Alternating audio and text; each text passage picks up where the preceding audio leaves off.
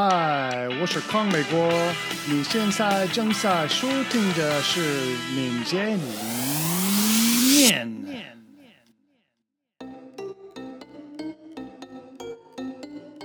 开发意图与象征。在古腾堡以前，圣经的印刷是由一些和尚用大量手工制作的，甚至是纸和墨水。在一年多的时间里，许多人参与了单一圣经的制作。其实，软件开发也是如此。IT 商店有四到一百名开发人员在使用同一应用程序。有了应用程序，源代码可能会旧一点，有的甚至超过十年。要求进行更改的开发人员在进行更改之前，需要了解已经存在的内容。那些和尚们，尽管他们的工作讲起来应该更容易些，因为他们通常就是按部就班。但由于不断演变的语言和圣经的隐喻性，一旦遇到了问题，很难知道当初最初的意思是什么。有些 IT 公司让开发人员创建一个文档，用来记录程序的功能。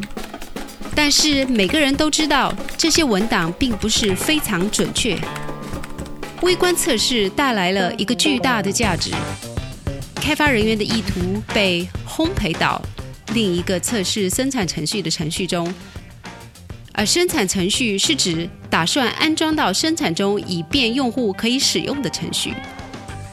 测试程序永远不会投入生产，因为用户对执行微观测试不感兴趣。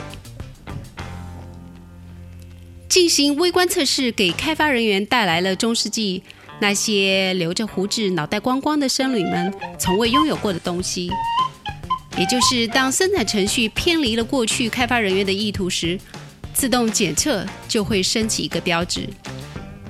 当一个微观测试失败时，接下来开发人员重新评估他最近的程序更改，并仔细查看测试程序和生产程序。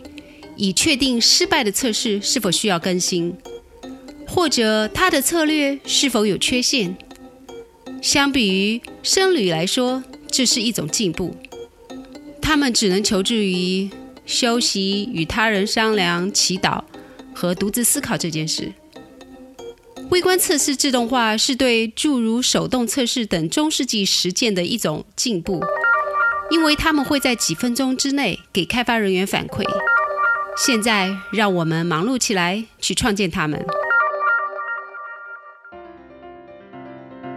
在本系列的后面，我们将向您介绍开发人员面临的复杂的 TDD 执行情况。